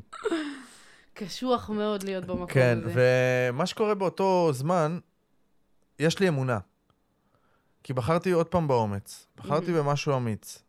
ויש בי אמונה שאני אצליח לפתור את זה. אין לי מושג איך... לא, לא יודע למה גם יש לי את האמונה הזאת בכלל. אני לא יודע על סמך מה הסתמכתי שאני אצליח לפתור את זה, כן? אני חושבת שפה מגיע, יש פה איזה שילוב של, אה, שזה משהו שאנחנו, דרך אגב, כמה שאנחנו מתבגרים, יותר קשה לנו לתחזק אותו. זה איזושהי אמונה בלתי נשלטת של אה, אדם צעיר ב... לא, אבל יש, אבל יש לי משהו אחר. מה? כי יש לי אותך פה. כי את האמנת בי. לא יודע כמה את זוכרת או לא, אבל את האמנת בי בהחלטה הזאת. כי את מהטבע שלך מאמינה בי כל הזמן. לא משנה מה אני עושה. זה... אז- היינו ממש בתחילת הקשר, אבל גם בתחילת הקשר הרגשנו שאנחנו שנים ביחד. אני יודע שאת זוכרת את זה. אני זוכרת גם סיטואציה עברנו אחת. לגור ביחד תוך... קצת אחרי שחזרת. איך שחזרת עברנו לגור נכון. ביחד. אני זוכרת סיטואציה אחת שאני לא יודעת אם אתה מכיר אותה, את הסיפור שעומד מאחוריה, אבל שעבדנו בתראבין באמת באותם ימים.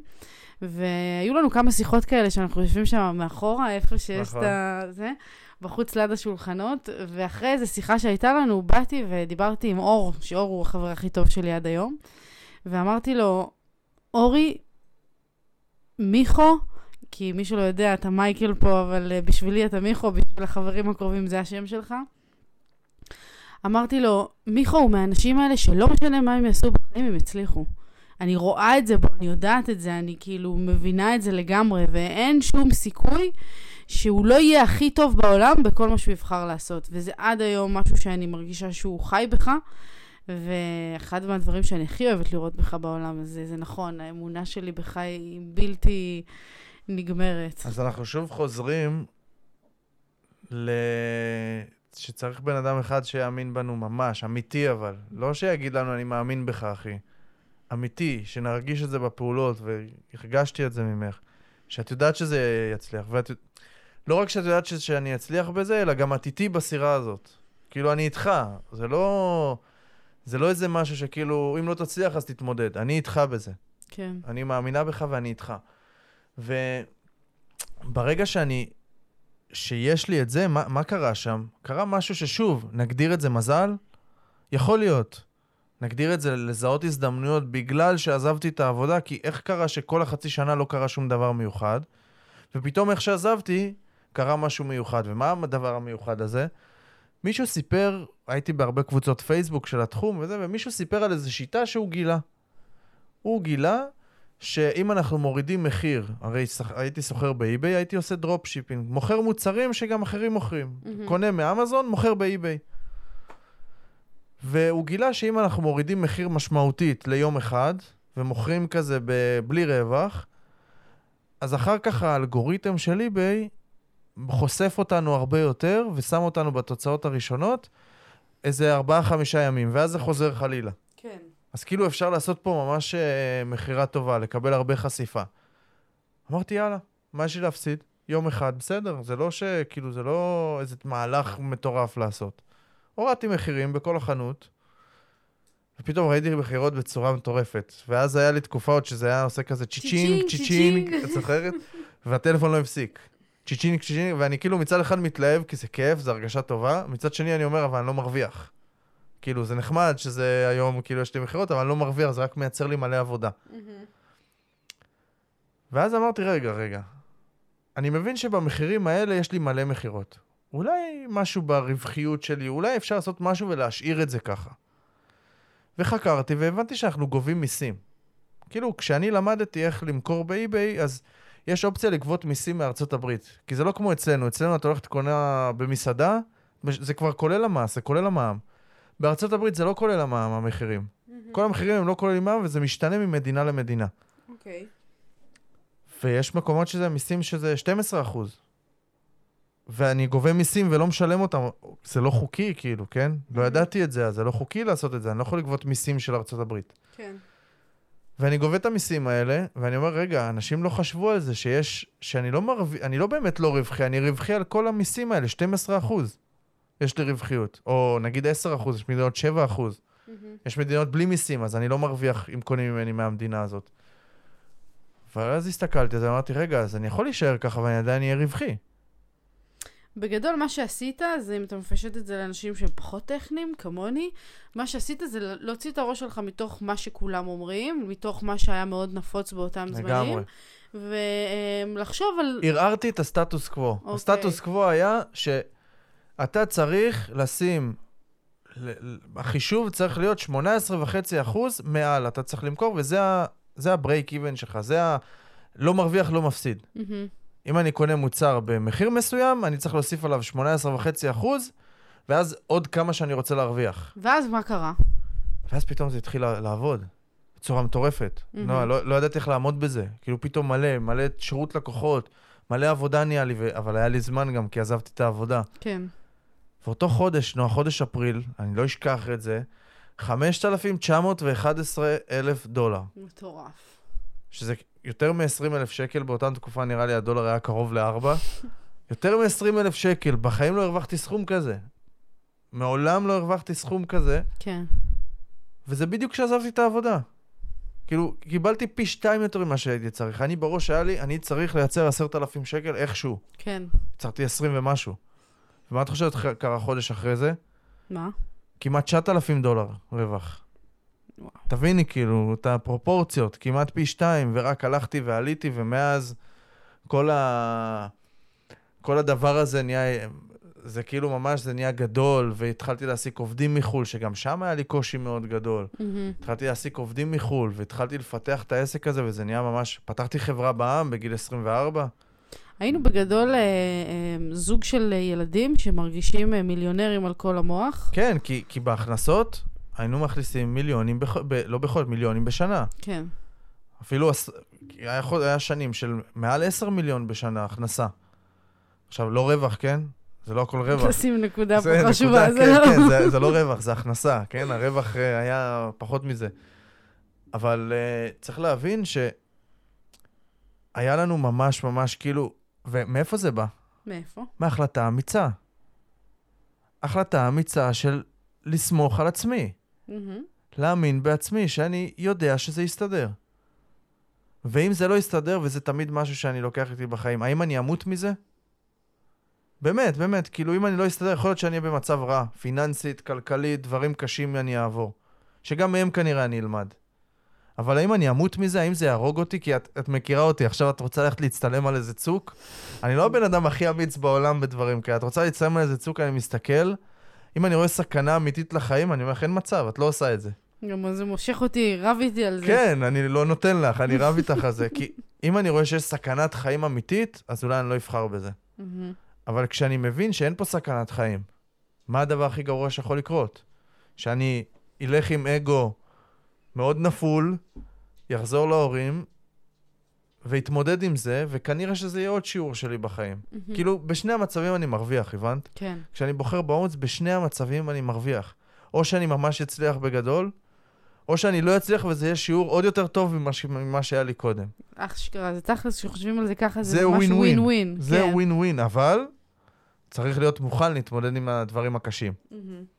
ספר לי איך התמודדת עם העובדה שאתה כזה מצליח. כאילו, וואלה, גם אתה בן בחור צעיר, כולם מסביבך, אף אחד לא מרוויח כמוך, אף אחד אין לו את מה שיש לנו, אף אחד לא חי בה גם באיזשהו אופן בתודעה שאנחנו היינו נמצאים בה, היינו רחוקים מאנשים באיך אנחנו מסתכלים על הדברים. וקרה משהו מאוד מאוד חריג, שגם החריף את כל העובדה שאנחנו שונים לגמרי מהנורמה. באותו יום שבאת אליי, אני זוכרת שהגעתי עם הג'יפ, עם מיני שלי, נכנסתי, אה, חניתי בחנייה, והייתי עם קניות, וביקשתי ממך לבוא לעזור לי, ואתה פותח את הדלת, מוציא קניות, ותוך כדי שאתה מוציא את הקניות, אתה מסתכל עליי, אתה אומר לי, נועה, מה את אומרת שנצא לטיול, שנעשה טיול מסביב לעולם? ואני כזה, כן, מיכו, סבבה, בוא נעשה טיול מסביב לעולם, ואני אומר סבבה. לך, לא, אני רציני. כן.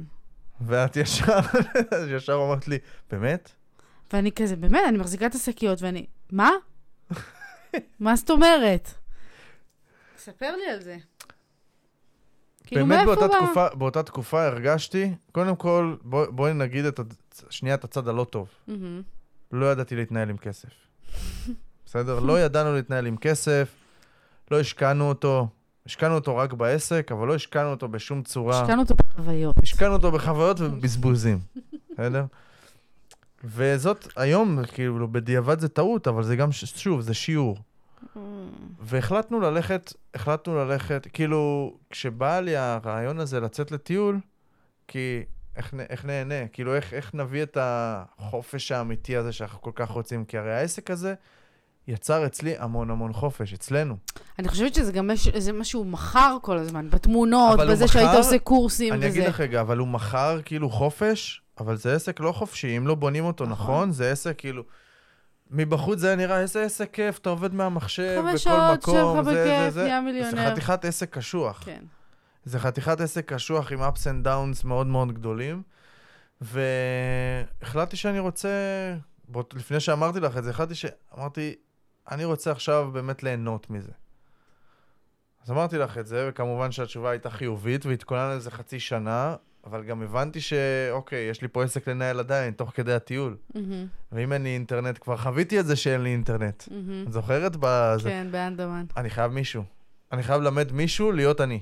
כן. לא, לא זה, להיות אני, שיוכל להתנהל עם הכסף גם, שאני אוכל לסמוך עליו ברמה שהוא יכול לנהל הרבה מאוד כסף. מהמם. שלא יגנוב אותי, שלא זה. והצעתי את זה לחבר מהתראבין, שלימים נהיה השותף שלי, והוא הלך על זה איתי. הוא הלך על זה וניהל את זה ממש טוב, בהמשך הוא נהיה שותף שלי, ובהמשך כאילו אנחנו נקפוץ למשקיעים, לזה. זה, זה, הוא עבד איתי הרבה מאוד שנים, והיה לנו תקופה ממש טובה ביחד. מהמם. אז טיילנו שבעה חודשים, טיול כאילו מטורף, זה לא טיול של uh, מוצ'ילרים וזה, עם מלונות יוקרה וכאילו ממש... חוצה אה, יבשות. כן, כן, טיול כזה, מה שנקרא טיול מוציא עיניים. כן, כאילו, כי לגמרי. את מבינה ש... ש... כן, מאוד. שהכסף עשה לנו משהו. וזה גם שיעור. ואנחנו תכף נגיע ל... ל... להמשך, וטיילנו, עשינו, ו... ובאמצע ראיתי שהעסק מתחיל לרדת בזמן, בזמן הטיול, העסק התחיל לרדת, אבל לא, לא משהו שכאילו אי אפשר להתמודד איתו. מהמם.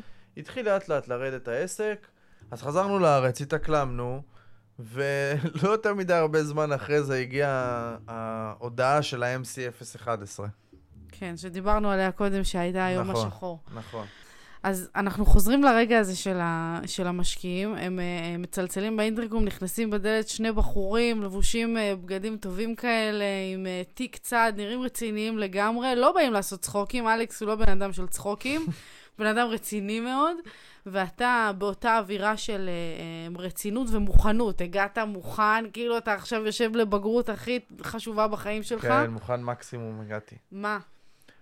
אז הם נכנסים, אנחנו מתחילים, אני באמת מתחיל, קודם כל אני מתרגש, כן? מהמם. הם נכנסים, אני מתרגש מאוד, מהמם. ואני מתחיל לדבר. אני מתחיל, אה, תראי, היה לי הרבה ביטחון, כי הרמתי חתיכת חברה, מאפס. כן. כן? אז היה לי ביטחון במה שאני אומר. היה לי את Mhm. ההתלהבות. באמת האמנתי בעצמי שזה יכול לעבוד, הדבר הזה. למרות Mhm. שהיה לי את הקושי ואת ה... בחיים לא עשיתי משקיעים, היה לי את זה, אז העברתי פיץ' טוב. ואלכס הוא בן אדם מאוד של דיבורים. כאילו, בן אדם מאוד, כאילו, תכלס, חד מאוד, בסדר? עם נוכחות, חתיכת נוכחות. ויונתן עם הפנקס, רושם הכל. הכל הוא רושם, כמו תלמיד טוב. לא מפספס מילה. כן, בגלל זה הם היו טובים ביחד, כי הוא רושם הכל, כל הדברים, ואלכס איתי ומדבר ונותן לי קונטרה על דברים. ואז בסוף מגיע הרגע של ה... אני מסביר להם את ההצעה, ואני מלהיב אותם, ואני מראה להם מספרים מטורפים, כאילו... אבל הוא שואל אותך שאלות והוא מתקיל אותך כאילו בתוך הסיטואציה? הוא מתקיל אותי, כן, אבל אי אפשר היה להתקיל אותי בתחום הזה. Mm. כאילו, כי תחשבי כמה חקרתי ולמדתי בזה. את לא, כן. אי אפשר היה להתקיל אותי. אז כאילו על כל מה שהוא כן, אמר, והיופי הוא גם ענית. ש- ש- שידעתי מה עקב אכילס שלי. מהמם. כי מה? כאילו, למה שזה לא ייפול עוד פעם? למה שלא יסגרו את החשבון עוד פעם? איך אתה יודע שהדברים האלה יצליחו ויקרו? ומה הייתה התשובה שלך? אז התשובה, אני אומר שבממוצע, כל שלושה, ארבעה חודשים, יהיה משהו קשה. שאו eBay יעשו, או פייפל, או אמזון, או כאילו... משהו קשה יקרה. מהמם. אבל ה- אמרתי לו שבשלוש וחצי שנים אחורה, או ארבע שנים, לא יודע כמה זה היה, כל פעם זה קרה וכל פעם התמודדנו עם זה. כל פעם התמודדתי עם זה בהצלחה, זה כאילו... כי, כי העסק הזה זה ממש, זה עולה, יורד, עולה, יורד. אין, אין כאילו עלייה מתונה או עלייה, זה, זה, זה עולה ממש הרבה ויורד ממש הרבה, עולה ממש הרבה, זה העסק. מהמם. וצריך להבין את זה, ולא לא שיקרתי להם, לא הסתרתי מהם את זה. כן. אמרתי להם שזה הפוטנציאל שלנו. זה מה שאני צופה, זה הקשיים שאני צופה, זה איפה שאני צופה שאנחנו יכולים ליפול, מהמם. ומה אנחנו עושים אם ניפול. אז השאלה הייתה, ומה אם הכסף לא יספיק? כי אני, בגלל שלא ידעתי לקחת משקיעים, אז לקחתי כסף בצורה מדויקת. אני, לפי התוכנית, היה צריך 260 אלף שקל, זה מה שביקשתי. 260 אלף שקל. על פניו טעות, אני היום לא אעשה את זה. אני Mhm. חושב 260 אלף, אני אקח פי 2 או פי 3 לפחות. כאילו, שיהיה לי מרווח, כי אף פעם זה לא עובד לפי התוכנית. כן. לעולם זה לא יעבוד לך, תבנה תוכנית עשר שנה, תבנה את התוכנית, זה לא יעבוד לך ככה. מהמם. בשורה התחתונה, אמרתי להם בסוף, הם אמרו, מעניין מאוד וזה, אמרתי להם בסוף, תקשיבו, תחשבו על זה יום-יומיים, אבל אני הולך, כבר היום יש לי עוד פגישה, אני הולך להציע את זה לעוד אנשים, אה, כי אני צריך להתקדם עם זה. אני לא רוצה לחכות. אלכס אומר לי, כמו מתאים לאלכס, הוא מאוד חד, הוא אומר לי, אל תדבר עם אף אחד. מחר בבוקר יש לך תשובה. אל תדבר עם אף אחד, מחר בבוקר יש לך תשובה. וואו, אוקיי, וואו. סבבה. איזה תשובה. אז uh, שורה תחתונה, מחר, הגיע מחר בבוקר והוא אמר לי, קדימה, איך אנחנו מתקדמים? מהמם. ואז חודש של ייסורים עם החוזה. קשוח מאוד, חוזה, להגיע להסכמות וכל מיני סעיפים ועורך דין ושלח את זה ועוד טיוטה ומגיעים לשבת ולחתום, ואז לא, יש עוד משהו מאוד קשה, שגם Mhm. לא, לא ידעתי, לא התמודדתי עם זה אף פעם. כן. והתחלנו ויצאנו לדרך. הם העבירו כסף, בסדר? ששלב מאוד כיף, כי מהמם. פתאום זה, זה ההצלחה הראשונה, כאילו הצלחת לגייס כסף, זאת הייתה המטרה הראשונה, מהמם. לגייס כסף. ואז הדברים לא עובדים בכלל כמו שרציתי. בכלל, לא קרוב אפילו. חודש וחצי ראשונים, אפס מכירות. ותכננו כבר בחודש הראשון למכור. כי היה תוכנית, כי אני יודע מה אני עושה, אני קונה חנות ומוכר כבר. כן. יש לי כאילו כל מה שאני צריך כדי חנות למכור. עובדת כאילו. אני קונה חנות, היא לא עובדת, אבל יש לה מגבלות מסוימות, ואני יודע איך להפעיל אותה שהיא תמכור, יכולה למכור תוך יומיים. אין חנויות. דבר- הספק עושה בעיות, עד שהוא הביא את החנויות, עד שזה, דברים לא עובדים טוב בכלל. אוקיי. בכלל, הכל עקום. מהמם. פה לשם תוך שלושה חודשים, חצי מהכסף נשרף. וואו. חצי מהכסף נשרף, וואו. ואני מבין ש... ואנחנו לא ממש עומדים ביעדים של התחזית, ואני מבין שאנחנו נצטרך עוד כסף. וכבר יש, אני מאמינה, לחצים של ה... מאוד, מאוד, מאוד לחצים, וכאילו, שוב, גם צריך לדעת לבחור משקיעים. של... מהמם. אז כמה שהם אנשים טובים ואני מאוד אוהב אותם, אבל הם אני חושב שזאת הייתה ההשקעה הראשונה שלהם. פעם ראשונה שהם שמו כסף, כדי כאילו... אולי זה לא טוב של הבן אדם הראשון שביקש כן, פעם ראשונה. שאני מבקש כזה, והם פעם ראשונה שהם שמים כסף על מישהו, אז הם היו מאוד לחוצים. כן. וכל דבר הייתי צריך לתת להם דין וחשבון וזה, ואמרתי להם מראש, גם באחוזים שלהם, שתביני גם, אם אנחנו מדברים על השקעה, 260 אלף שקל, אני חושב על 10% מהחברה. זאת אומרת, הערכתי את החברה ב-2.6 מיליון שקל, שאין כלום. אין שום דבר. כאילו, שווי חברה 2.6 מיליון שקל עליי. עליי, כאילו, העריכו אותי בזה. אני שווה את זה. 2.6. שזה היה כאילו, זה, זה אחר כך, כי לא הבנתי את זה בהתחלה, מהמם. ואז אמרתי, בוא'נה, אני לא מאמין שהחברה כאילו שווה 2.6 מיליון. על מה? זה לא, זה הערכה כאילו מאוד מוגזמת. כן. בכל מקרה, אם נחזור רגע לסיפור, אז uh, חודשים ראשונים לא עובד טוב בכלל. אני אומר להם, תקשיבו, אנחנו צריכים עוד כסף. מה עושים, מה עושים? לא, אנחנו לא נשים עוד כסף, לא זה, לא זה. בסוף הם שמים 60 אלף שקל, אם אני אקצר פה, ואחר כך הבנו שאנחנו צריכים עוד כסף, עוד סכום של, עד עכשיו הם השקיעו 320, אני צריך עוד 320. מהמם, מביא עוד משקיעים.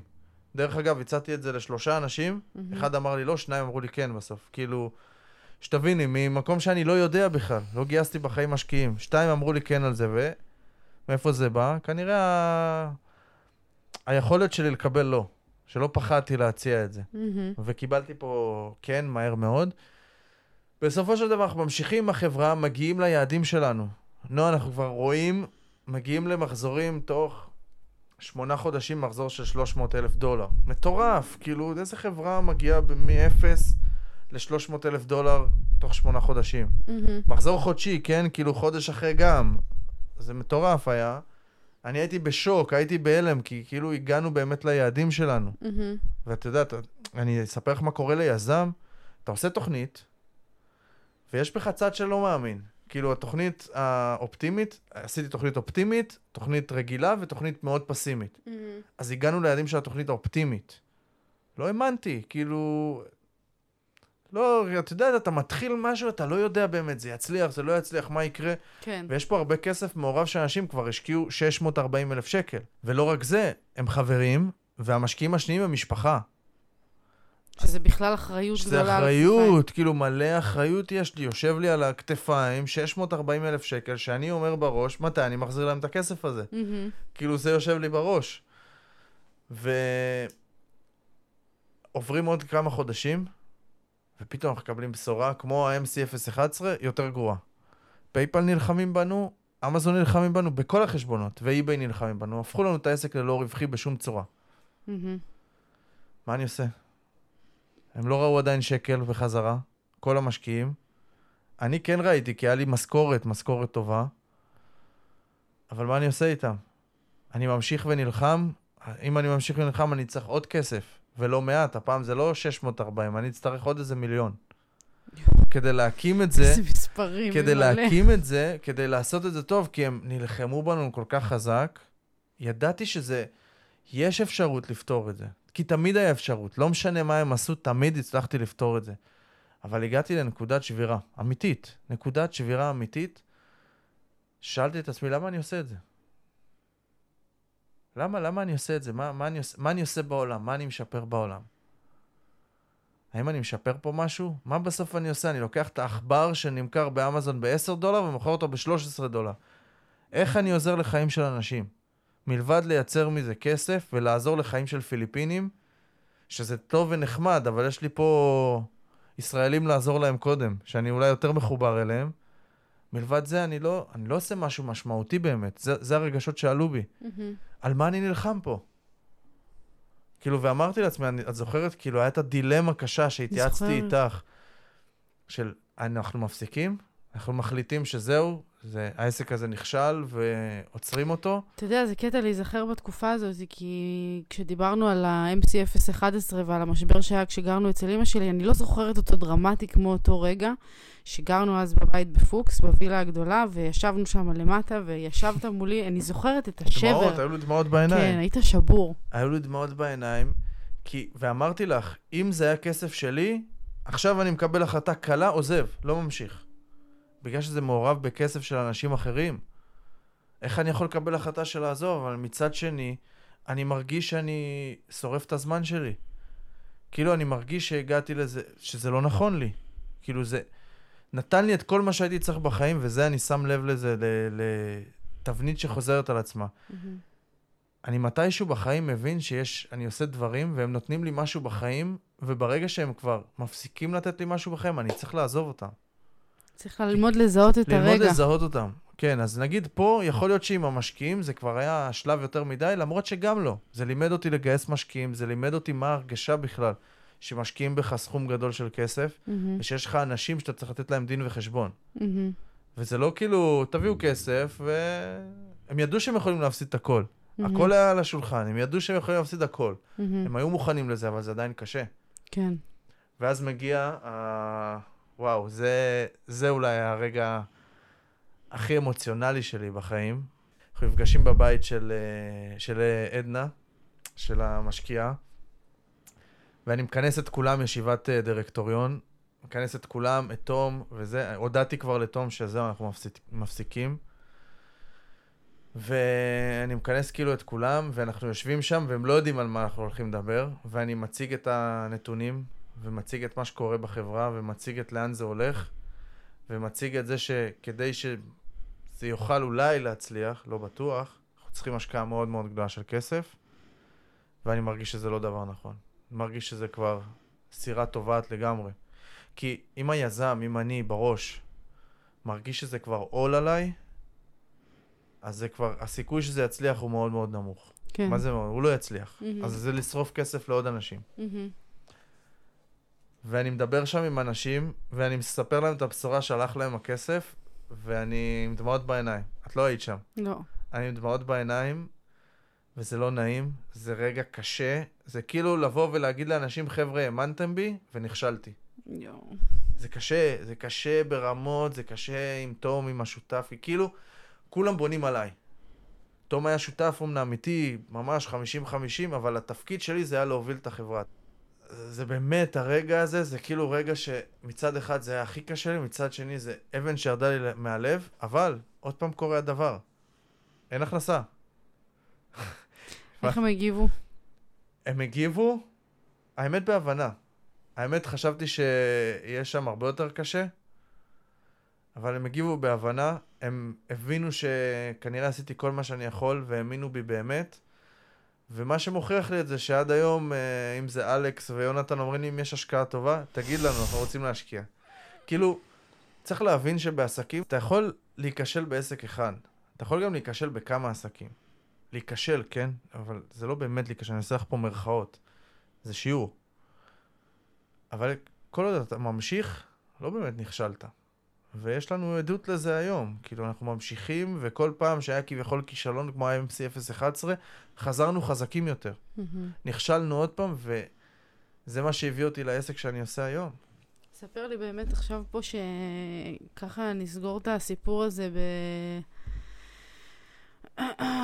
שנסגור את הסיפור הזה בצורה מוארת וחזקה של מה באמת כאילו יצא מתוך כל ה... בתוך הספינה הזאת שעולה ויורדת, מה בסוף הדבר הכי, הכי גדול שיצא מזה? אז הדבר הכי גדול שאני למדתי מזה, זה ממש להבין, קודם כל, זה למה אני עושה את מה שאני עושה. כי הכסף שם עיוור אותי, והעסק עיוור אותי, וזה מאוד כיף לבוא ממקום שאתה... אין לך הרבה כסף בתור ילד שהייתי, כאילו היה לי, היה לי מה שצריך, לא מעבר, לא הייתי זה, ופתאום יש לך הרבה מאוד כסף, אתה נשאב לזה. ומתישהו, כאילו, אמרתי את זה להרבה, להרבה אנשים שבאים אליי, ש, ש, שאני שואל אותם למה אתה עושה את מה שאתה עושה זה, ואומרים לי בגלל כסף, אמרתי, אתה תגיע לכסף. אבל בסוף אתה תראה שזה לא כזה, לא כזה מיוחד. זה לא כזה מיוחד כשיש לך הרבה כסף, אתה מתרגל לזה. אין בזה, אין בזה איזשהו עילה באמת, אבל במה כן יש עילה? בלעשות משהו שאתה מאוד מחובר אליו, יש לך פשן אליו, ויש לך משמעות אמיתית, אמיתית לדבר. כשיש לך משמעות אמיתית לדבר, ואת רואה את זה היום עליי בעסק, אני לא מרוויח את אותם סכומים, אנחנו לא מרוויחים את אותם סכומים שהרווחנו אז. אנחנו מתקדמים לשם והולכים וזה, אבל ה- ה- מה שיש לי בפנים הרבה יותר חזק מזה. זה הרבה יותר חזק, אני הרבה יותר מחובר לזה. כי אני מרגיש שאני עושה משהו באמת משמעותי בעולם, אני מרגיש שאני עושה את התפקיד שלי בעולם. אני עושה משהו באמת ש... שהוא חשוב בעולם הזה. והיום אני בכובע של מנטור עסקי, ככה קראתי לזה, כי אני, יש לי פה הרבה עניין, למה מנטור בכלל? כאילו, הרבה אומרים, אל תקרא לעצמך מנטור. כי מנטור זה החיבור בין יועץ עסקי, כי יועץ עסקי מייעץ לך לעסקים, mm-hmm. נותן לך את העצות, מה לעשות, מה זה. עצות אפשר ללכת איתם, לא אפשר, אי אפשר ללכת איתם למכולת, מה שנקרא. כי עצות זה לא מספיק. בסוף צריך משהו מנטלי מאוד עמוק. וכשאני עברתי על הבשר שלי את העליות ומורדות, ואני יודע מה בעל עסק עובר היום, אני יודע מה זה, אז אני יודע להיות שם בשבילו, ולהיות הבן אדם הזה שמאמין בו, כשאף אחד לא מאמין בו, הבן אדם הזה כשמאמין בו ש... שהוא לא מצליח, ומה שאני באמת נותן לאנשים האלה, זה בדיוק את ניר, שהיה שם בשבילי. כי אתה יכול לייעץ לעסקים ולתת להם אסטרטגיות ולתת להם זה, ויש לי את כל זה. אני נותן להם את כל זה, כן? כי גם בלי זה אי אפשר, כן? Mm-hmm. רק להגיד אני מאמין בך, מאמין בך, ו... אבל לא לתת להם שום דבר, זה גם לא עובד. אבל השילוב, השילוב הזה של הבן אדם שעומד מאחוריך, ש... כי אני רואה את זה עם לקוחות, הלקוחות שלי לא האמינו שהם יכולים להגיע למה שהם הגיעו. והם קיבלו את האמונה הזאת בעצמם, אבל הם גם קיבלו את האסטרטגיות, וקיבלו את הטקטיקות, וקיבלו את הסיסטמים שלי, והשילוב הזה, זה השילוב שאני מרגיש שזה עושה אימפקט מאוד מאוד גדול בעולם. מרגש כל כך לשמוע את כל הדברים שיש לך לומר, באמת כל פעם מחדש הסיפור שלך מטריף לי את המוח. Uh, אני רוצה שאנחנו נסיים בשאלה אחת מאוד פשוטה. בשביל כל האנשים שנמצאים בצד השני, ועוברים דרך יזמית שלהם עם עצמם, יש כאלה שאפילו עוד לא יצאו לדרך, אבל זה איזשהו חלום רחוק שלהם. מה הדבר האחד הזה שלמדת לאורך כל המסע, שאתה מרגיש שזאת החובה שלך להעביר אותו הלאה? זה... איזה, איזה כיף שאת שואלת את זה. אני, אני אסכם את זה ממש במשפט אחד, ואני אסביר אותו גם. ואני אומר שבכל פעם שאני בוחר בהחלטה האמיצה, אני תמיד מתוגמל מזה. אני אחזור רגע למשפט הזה. בכל פעם שאני בוחר בהחלטה אמיצה, אני תמיד מתוגמל מזה. זה לא תמיד בכסף. זאת אומרת, בהחלטה שקיבלתי עם ה... לעזוב את ה... כאילו, לעזוב את העסק הקודם, לא קיבלתי מזה כסף כביכול, אבל קיבלתי מזה חיים. וזה הדבר הגדול באמת. זה חתיכת שיעור רציני. באמת, זה חתיכת שיעור רציני לקחת לחיים. אני מודה לך מעומק uh, ליבי. Uh, למרות שאנחנו בני זוג וזה כאילו נראה נורא לגיטימי שתתראיין בפודקאסט שלי וככה תבוא ותספר את הסיפור, אבל עצם העובדה שסיפרת אותו בצורה כל כך אותנטית ואמיתית ו... וחשופה, זה גדול בעיניי, אז תודה רבה על זה. אני בטוחה שיום אחד אנשים ישלמו כדי uh, לקבל את הרעיון הזה, לקבל אותו ממני, ואני לא יודעת אם אני אתן. בקיצור, אה, אה, היה לי תענוג, אני אוהבת אותך מאוד. אני מעריצה שלך מספר אחת מאז ומעולם. וזהו, תודה. חיים שלי, תודה רבה לך, שקודם כל שהערכת אותי, וב' שהוצאת ממני את זה. כי זה, אני לא חושב שזה סיפור שממש סיפרתי לעומק ככה אף פעם. והוצאת ממני את זה, והוצאת ממני דברים שאני חושב שטוב שאנשים ישמעו. נכון. יאללה. שיהיה לכולנו חיים מלאים ביזמות בוערת, מלאים באומץ. צ'או. יאללה, ביי.